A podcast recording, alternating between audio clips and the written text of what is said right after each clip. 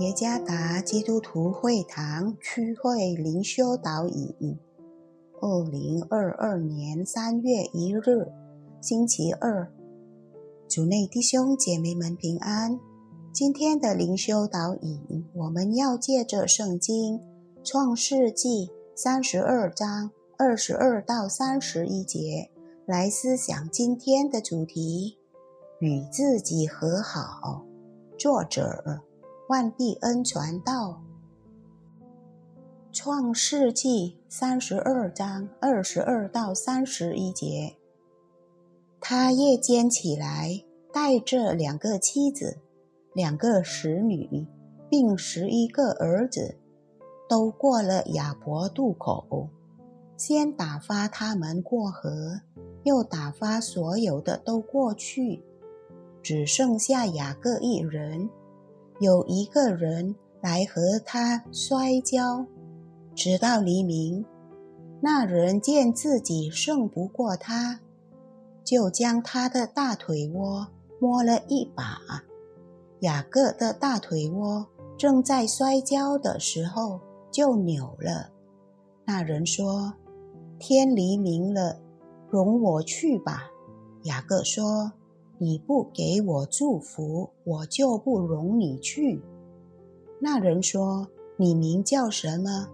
他说：“我名叫雅各。”那人说：“你的名不要再叫雅各，要叫以色列，因为你与神与人较力都得了胜。”雅各问他说：“请将你的名告诉我。”那人说：“何必问我的名？”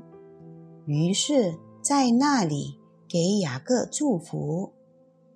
雅各便给那地方起名叫皮努伊勒，意思说：“我面对面见了神，我的性命仍得保全。”日头刚出来的时候，雅各经过皮努伊勒，他的大腿。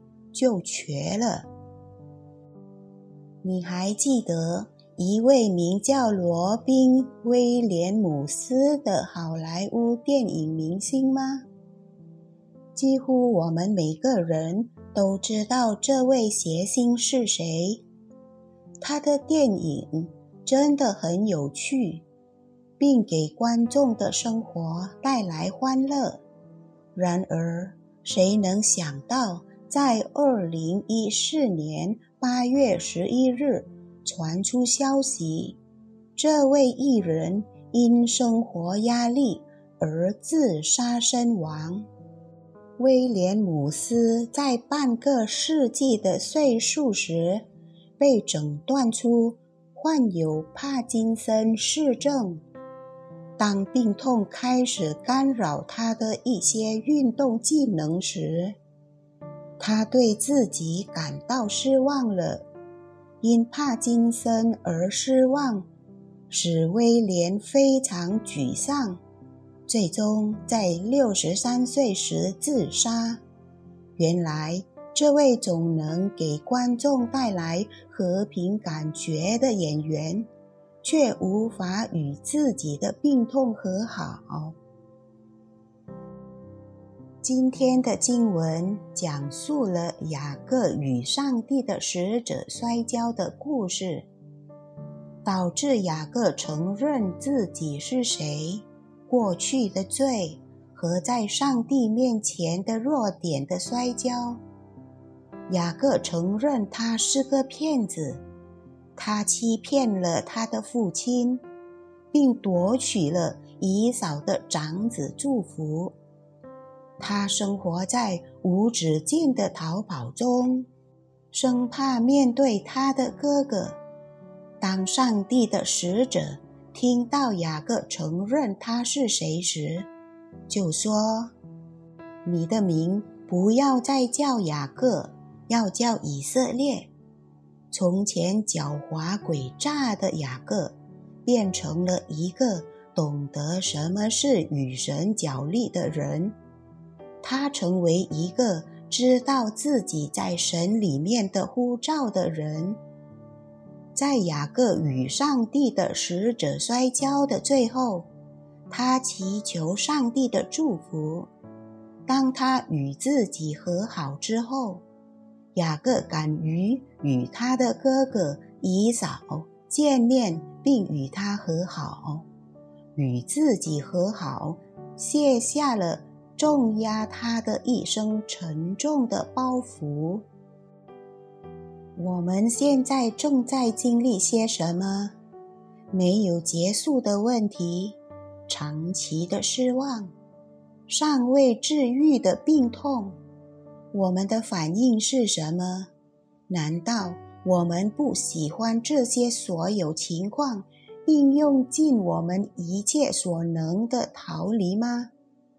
经常发现的结果是，问题并没有变得更轻，反而变得越长久、越沉重的压住生命。当我们向上帝承认我们所有的问题、软弱和无能时，我们就会找到最合适的避难所。那是在上帝完美恩典中的地方。不要为了逃避问题而不断的逃跑，因为我们会厌倦，并最终讨厌生命。挣扎永远存在，但不会摧毁我们。相反的，这些挣扎将教会我们如何与得胜的上帝一起角力，并成为他人的好榜样。基督是我们倾诉这一生的所有软弱和问题最合适的那位。他是我们与自己和好的地方。主耶稣赐福。